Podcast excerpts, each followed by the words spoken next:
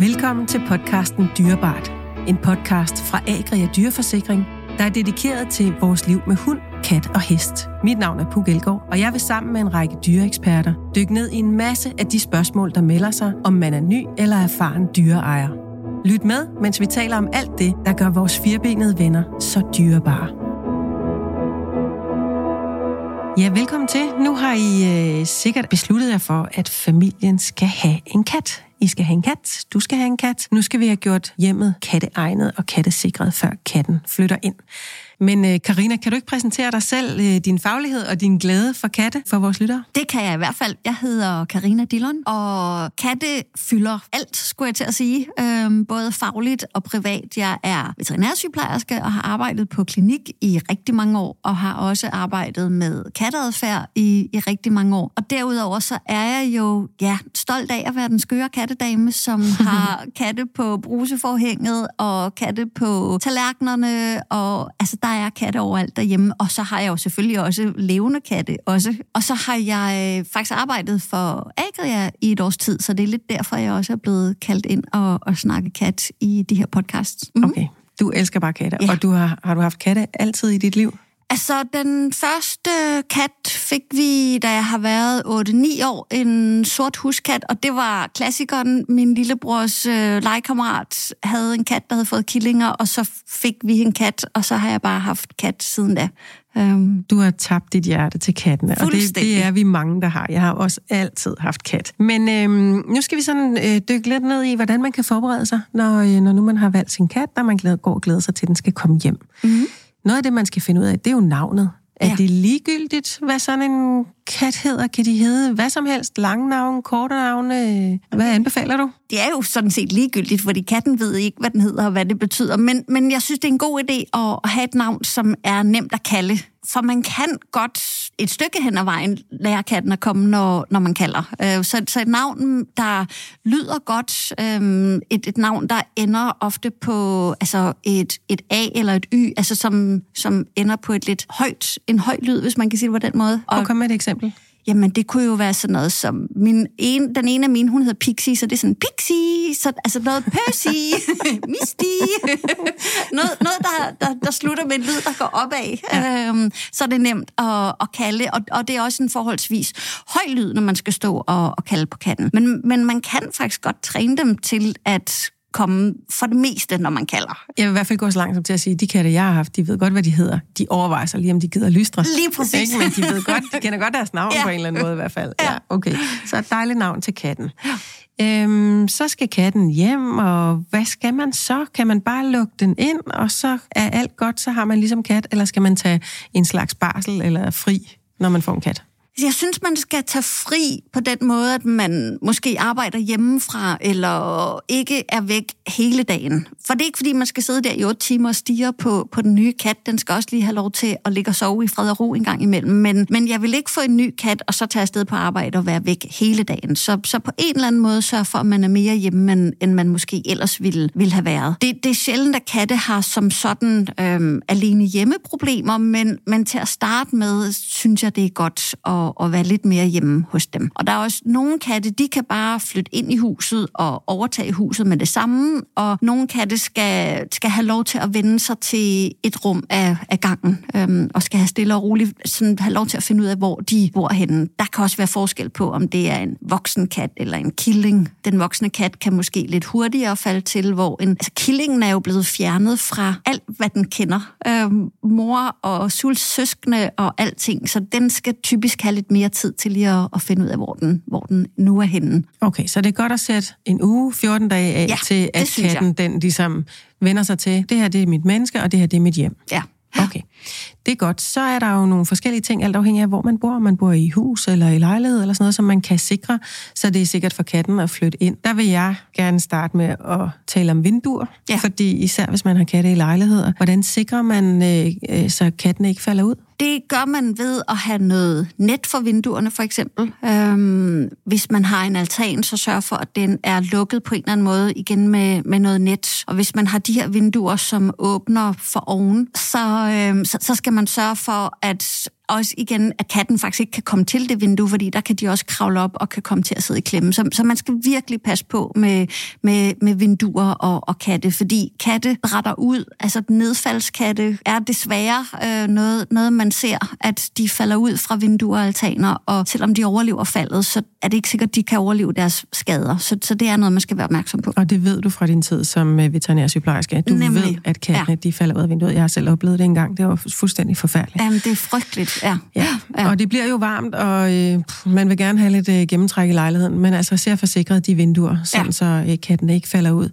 Øh, katte, er de sådan, du ved, bider de ting, øh, ødelægger de ting? Øh, er der ting, man skal fjerne? Jeg har altid gjort det, at jeg fjerner de ting i mit hjem, som jeg ville være ked af, bliver ødelagt. Øhm, den siameser, jeg havde, Pixie, hun var sådan en værre ballademager, så alle mine fine kattefigurer, de blev pakket væk, indtil hun var tre år. Først der turde jeg stille dem frem igen. Så, så det er det ene af det. Det er sådan det, vi, vi helst ikke vil have, bliver ødelagt. Men ledninger er der i hvert fald nogle katte, som godt kan lide at, tykke i, så der er det en god idé at få sikrede ledninger. Og så er der klassikeren med potteplanter. Øhm, og det kan være sådan lidt, hvis, hvis den keder sig lidt, katten, jamen, så er det jo sjovt at grave i en potteplante. Øh, ja, der er også nogle af dem, der er giftige jo. Ja, ja så det hvis de bider i ja. dem, så man skal lige øh, holde ja. lidt øje med, hvad det er for nogle øh, planter, man har, om de er giftige for katten. Og der vil jeg bare nævne i den forbindelse, at inde på Agria Dyrforsikrings hjemmeside, der er der simpelthen et helt afsnit udførligt om, hvilke potteplanter, der er giftige for katten. Ja, og det er jo ikke kun potteplanter, men det er også øh, blomster, altså blomsterbuketter. Der er også nogle blomster der, man skal være opmærksom på, så det er rigtig fint at gå ind og, og læse om det. Godt. Når du siger det der med porcelænsfigurerne, jeg kan bare jeg kan se for mig, hvordan mine katte de har siddet sådan oppe på en kommode eller sådan noget, lige skubbet lidt til en eller anden ting med poten. Ej, jeg tror lige, jeg skubber den lidt længere hen mod kanten. Jeg, jeg, giver den lige, jeg tror lige, jeg giver den et skub mere. Bum, og så lige pludselig så har de skubbet noget ned. Ja. Det kan de jo godt finde på. Ja, ja, ja. Altså, det synes de jo er sjovt. Ja, det gør de, og der er jo mange, der er sådan lidt, katte vælter jo ikke noget. Det kan de sagtens, og de kan sagtens gøre det med vilje også. Ja. Øh, det er jeg ikke i tvivl om. Øhm, toilet, kan de finde på at hoppe ned og drukne ned i toilettet? Ja, altså jeg er ikke sikker på, at de hopper ned i toilettet med vilje, men, men de kan i hvert fald godt finde på at stå og prøve at drikke toiletkummen, mm. og, og så falde ned, og, øhm, og, og måske i værste fald drukne, hvis ikke der er nogen hjemme. Så, så altså jeg er sådan lidt hys, altså jeg lukker altid toiletlåget derhjemme, men også når jeg er på besøg hos folk, og især hvis de har katte, der skal toilettet, det skal være lukket. Jeg skal være sikker på, at der ikke er nogen kat, der, øh, der kommer galt afsted der. Okay, så, vi, så øh, hvis det er en familie, katten flytter ind i, øh, eller ind hos, så er det altid godt lige, tænker jeg, at holde et lille husmøde og sige, fra nu af har vi de de regler. Ja. Når vi går herfra, eller så lukker vi toiletlågen, eller ind til tørretumbleren, eller sådan noget, at man ligesom får lavet nogle husregler for noget, vi alle sammen skal huske, når det her lille dyr flytter ind. Ja. Er det sandt, at de kan hoppe ind i vaskemaskinen vaskemaskiner og tørretumbler og sådan noget, uden, det kan uden at man opdager det. Ja. ja. Altså jeg så faktisk her en af de kattegrupper, jeg er med i, der var der en dame, der lagde et billede op med en kat, der lå inde i tørretumbleren. Altså den lå bare og, og sov, og det så hyggeligt ud, men jeg tænker jo straks, nej, nej, nej, hvad nu hvis der er nogen, der kommer og tænder for den? Så altså tørretumler og vaskemaskiner, det skal der bare ikke være nogen adgang til, fordi det kan gå galt. Og ja. det er jo ikke til at holde ud at tænke på heller, hvad der kan ske der. Nej, så det skal man altså huske at være øh, fuldstændig opmærksom på. Øhm, så er der jo også nogen, der er heldige at bo i et hus med en have og så videre. Det lyder som en umulig opgave, synes jeg. Men kan man kattesikre en have? Kan det godt lade sig gøre? Det kan godt lade sig gøre. Det koster nogle penge. På nettet kan man finde masser af muligheder, men i bund og grund går det ud på at sikre sin have, så ens egen kat ikke kan komme ud, og andre katte ikke kan komme ind. Og det, jeg ser oftest, det er sådan et hegn, hvor at det i toppen bøjer indad og bøjer ud af. Så det som ligner, et y som nærmest, et y. ikke? Ja, ja. Øhm, okay. lidt ligesom i fængslerne, tænker jeg måske, jo. at det ser sådan ud. Ja. Øhm, ja. Okay, men det lyder kostbart at, øh, at hegne en have ind. Ja, øh, og, og alt efter, hvor, altså, jo større haven er, jo, jo mere koster det. Øhm, så, så det koster penge, det gør det helt klart. Men, øh, men man kan jo også, øh, hvad hedder det, vælge en anden løsning, volieren, ja. øh, hvor man så ligesom har et, et indelukke, som er udenfor, som katten kan kravle i med nogle træer og et eller andet aktivitet, ikke? Lige præcis. En, en katteudstue. Og den må gerne i vores øjne være sådan lidt grim og lidt tilgroet, fordi det er det, kattene vil synes er, er sjovt og spændende. Mm. Så kan katte jo godt lide at søge op, øh, Øh, og hvis vi skal kattesikre vores hjem, skal man så øh, gøre plads på bordet i vindueskarmene, eller sådan, skal man sørge for, at der er plads til dem? Så ja. de kan så kigge op og ud. Igen, det synes jeg, man skal. Vi har valgt at få en kat. Den, der skal også være plads til katten i vores hjem. Men det er faktisk, for, for kattene er det også øh, en, en stressregulerende adfærd at kunne springe op. De er som sagt også byttedyr, så, så hvis de kan komme op i højden, så kan de også holde øje med, at der ikke kommer nogen og, og lige overfalder dem. Så helt klart gør plads i vindueskarme, bogreoler, øhm, måske en, en plads på en hylde i skabet. Øhm, og også, øh, hvis man kan sætte hylder på væggene, sådan så katten kan gå rundt i... Altså, den må egentlig gerne kunne komme hele vejen rundt om rummet, uden at være nede på gulvet. Hmm. Så den i gåsøjne lidt kan, kan gå på væggene. Ah, så den kan have sådan en helt, øh, ja, sådan en helt gang ja. oppe ja. under loftet nærmest, ja. eller... Ah, okay, ej, det er jo next level, altså. Ja, og, og, og der er også på YouTube, og sådan kan man se nogle fede videoer med folk, der virkelig har været kreative og lavet nogle gode gangstier for kattene på væggene.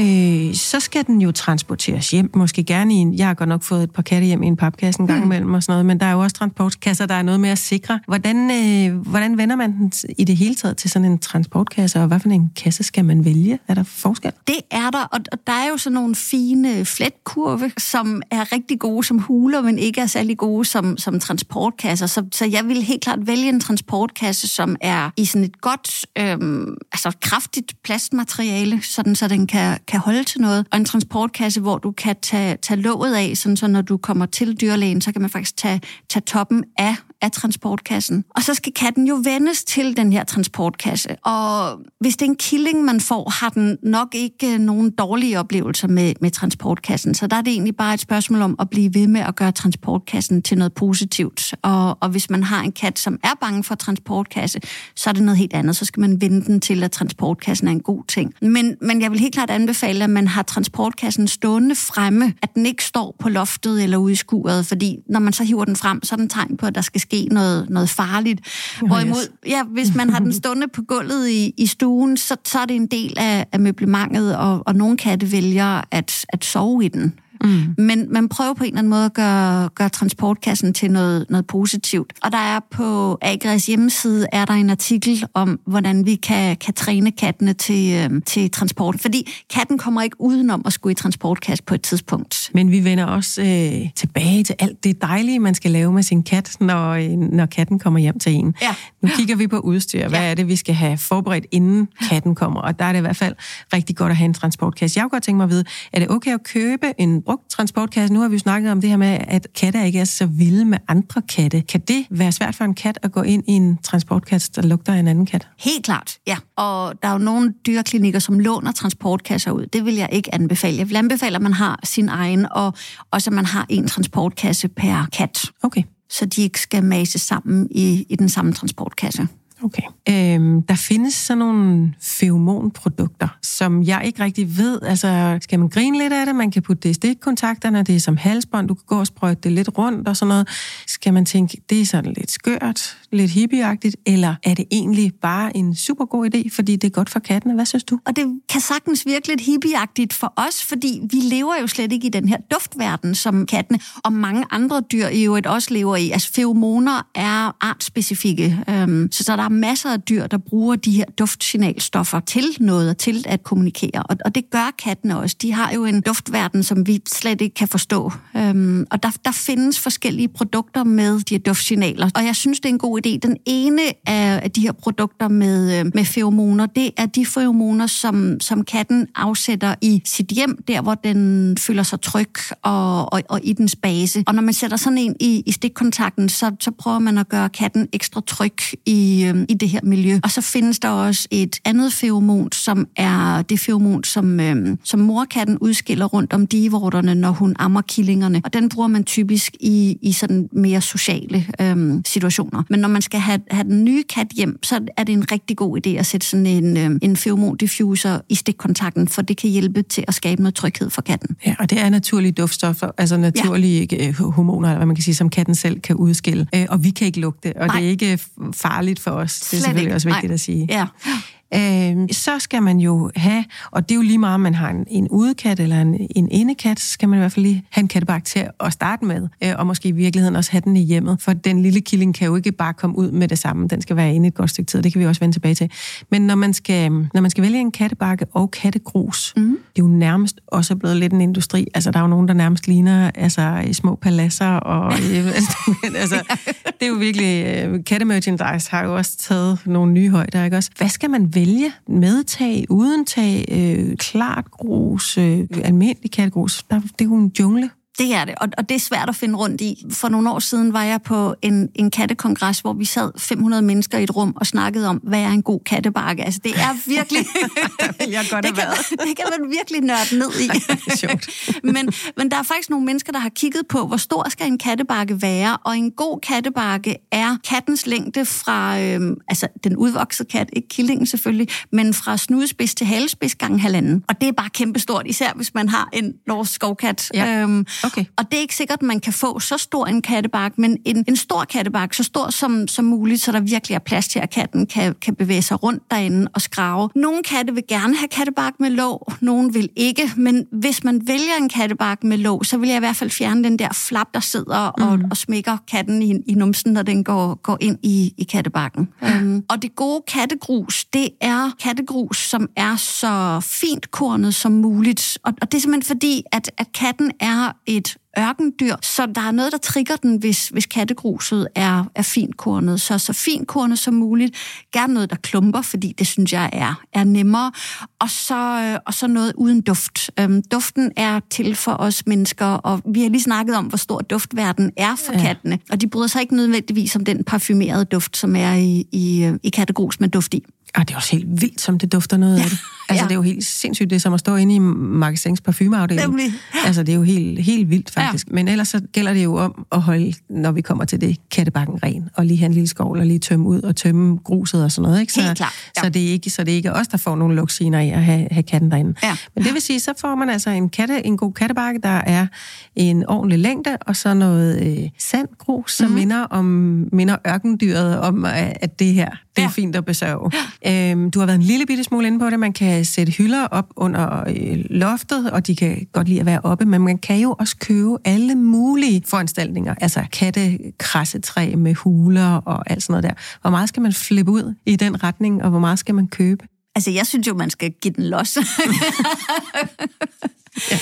øhm, der er ingen tvivl om, at det, det er godt at have et, et krassetræ, og så bestemmer man jo selv, om man vil have noget kæmpe stort og flot, eller om man bare vil have et, et enkelt krassetræ. Men, men et krassetræ er rigtig godt at, at have, fordi katte krasser klør. Og, og hvis vi vil prøve at undgå, at de krasser i møblerne, så, så gælder det om at have et godt krassetræ. Og et godt krassetræ er, er typisk så højt, at katten virkelig kan strække sig ud, når, når den krasser. Og så, øh, og så skal det selvfølgelig stå stabilt, så, så det ikke vælter. Øhm, og så er der mange katte, der også godt kan lide at krasse øh, vertikalt. Mm-hmm. Og der kan man faktisk få en masse gode øh, sådan bølgepapsprodukter. Øhm, så, så man både har et krassetræ, så de krasser... Øhm, Opad? Ja, og, og et krassetræ... Både og vandret? Lige præcis, ja. Okay.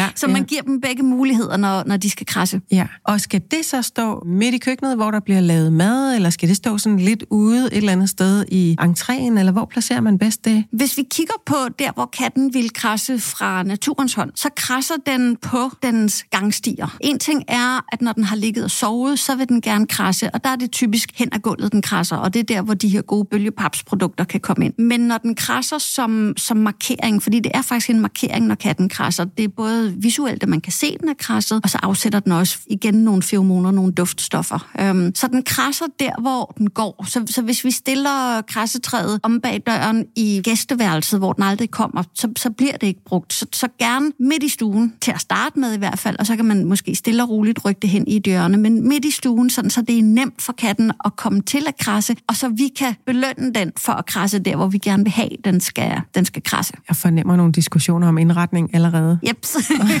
der skal stå sådan et, et øh, hvad hedder det, brun krassetræ ja. ind midt i, midt siden i af den dyre sofa der. Ja, men det er altså en god idé at gøre det, fordi ellers så krasser den jo bare i sofaen. Altså det præcis det. der, hvor ja. den er, ikke? Jo.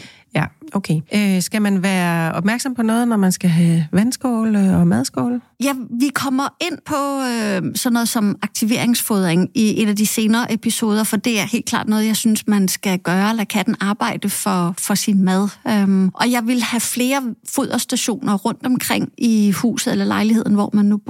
Vandskåle, der kan katte oftest godt lide store vandskåle. Tit, hvis man har, har hund og kat sammen, så drikker katten faktisk af hundens vandskål. Altid, ja. ja det, er også, altid. Det, det kan de tit godt lide. Og så er der jo altid nogen, der siger, jamen min kat drikker kun af mit vandglas. Og det, der er ingen regler, der gælder for alle katte, men ofte kan de godt lide store øh, vandskåle. Og mange katte kan også godt lide at drikke vand i bevægelse, så en vandfontæne kan også være en god idé. Og der er faktisk, jeg har ikke fået købt den endnu, men der er kommet en vandfontæne, som kan aflæse kattens mikrochip, så når katten går hen og drikker, så måler den, hvor meget væske katten har drukket. Og så findes der selvfølgelig en app, så man får at vide, hvor meget ens kat har drukket. Altså, det elsker jeg jo. er det rigtigt? Ja. Man kan også bare prøve, når den sidder på, øh, hvad hedder det, badeværelsesbordet ved siden af en, når man børster tænder. Hvad katte jo godt kan finde på, og så tænde vandhanen ja. i en tynd stråle. Og så har alle mine katte i hvert fald drukket af vandhanen. Ja. Det synes de bare er det fantastisk. elsker de. Ja, det elsker de ja. virkelig. Jeg ved ikke hvorfor. Ved du det egentlig? Altså, og jeg, jeg tror, det er også det her med, at vandet er i bevægelse. Mm. Øhm, så, så det er den ene ting. Og så kan katte også tit godt lide smagen af regnvand. Så hvis man kan have vandskål stående ude, og katten har mulighed for at komme til det. Så, men vand i bevægelse, det kan de godt lide. Det kan de bare ja. godt lide, ja. Så kan det være, at man skal anskaffe sig en sele, hvis man har planer om at lære katten at gå tur. Mm-hmm. Det kommer vi også ind på, hvordan man lærer, lærer dem det. det. Men ja. hvis man har den plan, og ja. ikke måske lige bor ud til en seksbordet motorvej, og har tænkt sig at gå tur der, så skal man i hvert fald også have fat i en sele, ja. som den kan lære selen at kende. Øhm, legetøj. Skal man gå ud og rive sig? Altså, de her ting er jo dyre. Øh, er det fint nok at lege med en sok eller en kvist eller et eller andet, eller skal man investere i noget rigtig kattelegetøj? Et godt kattelegetøj, det er det, katten har lyst til at lege med. Øhm, og der er faktisk lavet studier på, hvad er et godt kattelegetøj? Og det er i princippet et legetøj, som er i byttestørrelse, og som bevæger sig uforudsigeligt. Og så er det jo sådan lidt, og, og hvad gider ens kat lege med? Så jeg vil helt klart gå ud og købe noget, noget kattelegetøj, og især huske, at vores krop er ikke legetøj. Øh, det er virkelig vigtigt. Vi skal ikke lege med hænder under dynen eller noget i den stil, fordi når katten så bliver større og bliver ved med at tro, at vi er et stykke legetøj, så er det pludselig nogle andre problemer, vi, vi står i. Så gå ud og køb lidt forskelligt legetøj, og så kan det også være, at den synes... Altså, jeg har haft en kat, der elskede at lege med, øh, med hvad hedder sådan noget, piberenser. Mm. Øhm, og, øh, og også min... Dengang hæklede jeg, så min, øh, min hækle, hæklenål, den legede den også med. Så køb noget legetøj, men måske finder katten også bare selv på et eller andet, den synes, det er sjovt at lege med. Vi skal lege med kattene, og så er det sådan set ligegyldigt, hvad vi bruger af legetøj. Altså et stykke bagepapir, man har trillet til en kugle. Ja. Det er virkelig godt kattelegetøj. Nemlig, ja. Det, det kan de altså det for lang tid til. De. Og jeg har haft en kat, som, som så hentede det, altså apport, kom ja. med det og lagde det for fødderne af mig igen. Øhm, ja. Når man så går og glæder sig, og man forbereder alle de her ting, så tænker jeg, at før man får brug for det, nemlig en dyrlæge, så er det også en god idé sådan ligesom at gå rundt og kigge og måske besøge nogle forskellige dyrlæger, så man i hvert fald har en, når man har fået katten. Hvordan finder man den gode dyrlæge? Ja, det kan jo være svært. En ting er, at man jo lige kan spørge venner og familie og sådan noget i nabolaget, hvem de bruger. Og så vil jeg simpelthen gå på nettet og, og kigge der er efterhånden mange dyrlæger, som er begyndt at arbejde lidt kattevenligt for at prøve at gøre dyrlægebesøget lidt, lidt nemmere. Øhm, og nogle klinikker bliver ligefrem godkendte som, som kattevenlige klinikker, og der vil typisk stå noget på deres, på deres hjemmeside om, hvordan de arbejder med kattene, eller man kan ringe og spørge, eller tage ud og besøge klinikken. Men det er en rigtig god idé på forhånd at vide, hvilken klinik har jeg, har jeg tænkt mig at bruge. Katten skal jo have noget at spise. Kan man købe en ny pose foder, eller skal man købe noget med fra der, hvor den har boet, altså få en rest med, og så langsomt få den til at gå på noget andet? Eller hvordan, hvad giver man den? At der vil jeg helt klart anbefale at tage noget med der, hvor at man har fået katten fra, så, så den starter med at få det foder, den er vant til. Og så kan man stille og roligt efter en, en periode, altså når den er faldet til i det nye hjem, så kan man stille og roligt begynde at skifte den over på det foder, man gerne vil have, den skal, skal køre på. Og